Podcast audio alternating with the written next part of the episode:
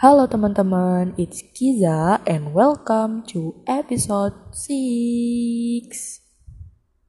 Nah, gimana nih guys kabarnya? I hope all of you are okay ya guys. Oke deh guys, tanpa basa-basi lagi, kali ini aku akan bahas suatu topik yang relate banget nih dengan kehidupan serba-serbi online kita. Guys, kalian kalau zaman online gini sering banget gak sih ngerasain jenuh atau merasa udah di titik terendah kalian? Well, aku juga sih ngerasa kayak gitu. Pernah merasa terbebani dalam mengerjakan apa pun, entah itu nugas, kerja, atau aktivitas lainnya yang bikin kita pusing tujuh keliling. Walaupun kita sebenarnya memiliki waktu berlimpah dan juga fleksibilitas akses ke kegiatan ke sana sini. Nah, karena kita emang lagi di rumah aja, dan karena banyak tekanan nih yang ada di berbagai aspek kehidupan kita. Mulai deh tuh kita ngerasa stres, lelah, fatigue, and akhirnya kita burn out. Eh, wait, wait. Perbedaan burnout dan stres itu apa sih? Nah, jadi ternyata burnout dan stres itu 11-12 guys, alias mirip. Nah, hal yang bikin mereka berdua beda adalah intensitasnya.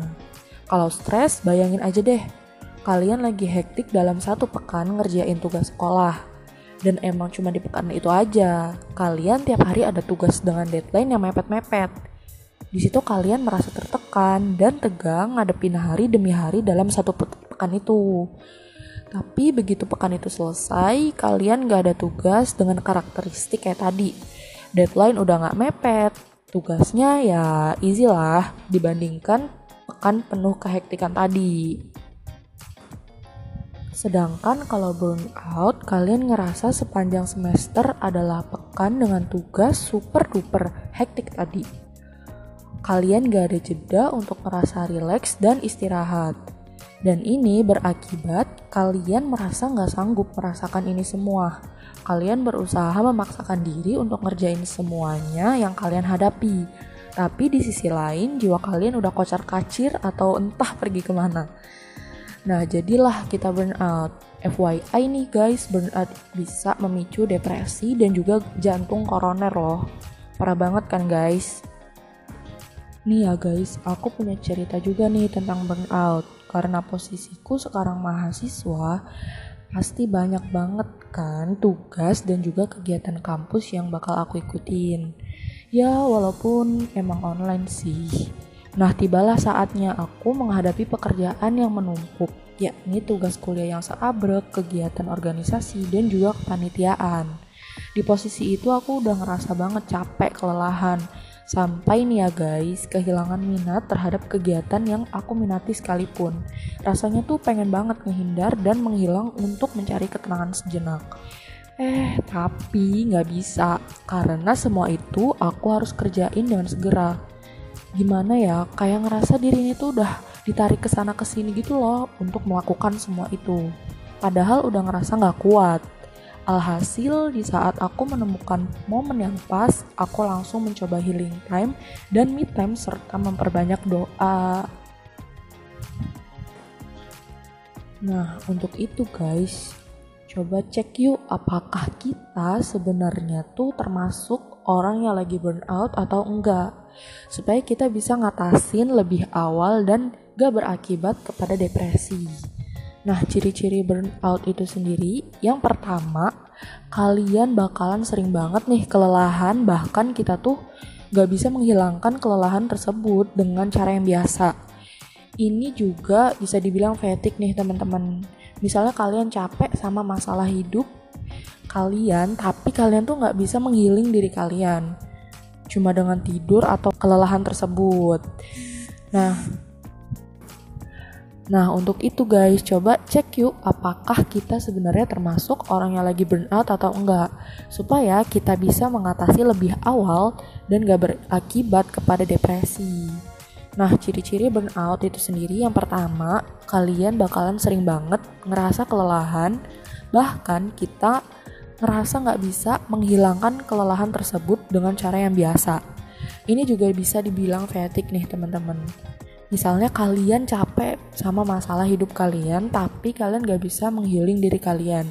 dengan cuman dengan cuma tidur aja atau ngeteh untuk ngehilangin kelelahan tersebut. Nah, yang kedua, kalian bakal lebih sensitif atau lebih mudian nih dalam menghadapi masalah.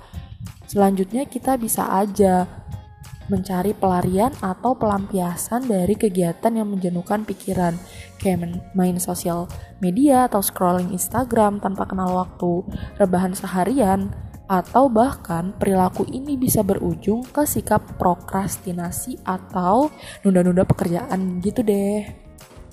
Nah, itu dia guys. Sedikit ciri-ciri dari burnout.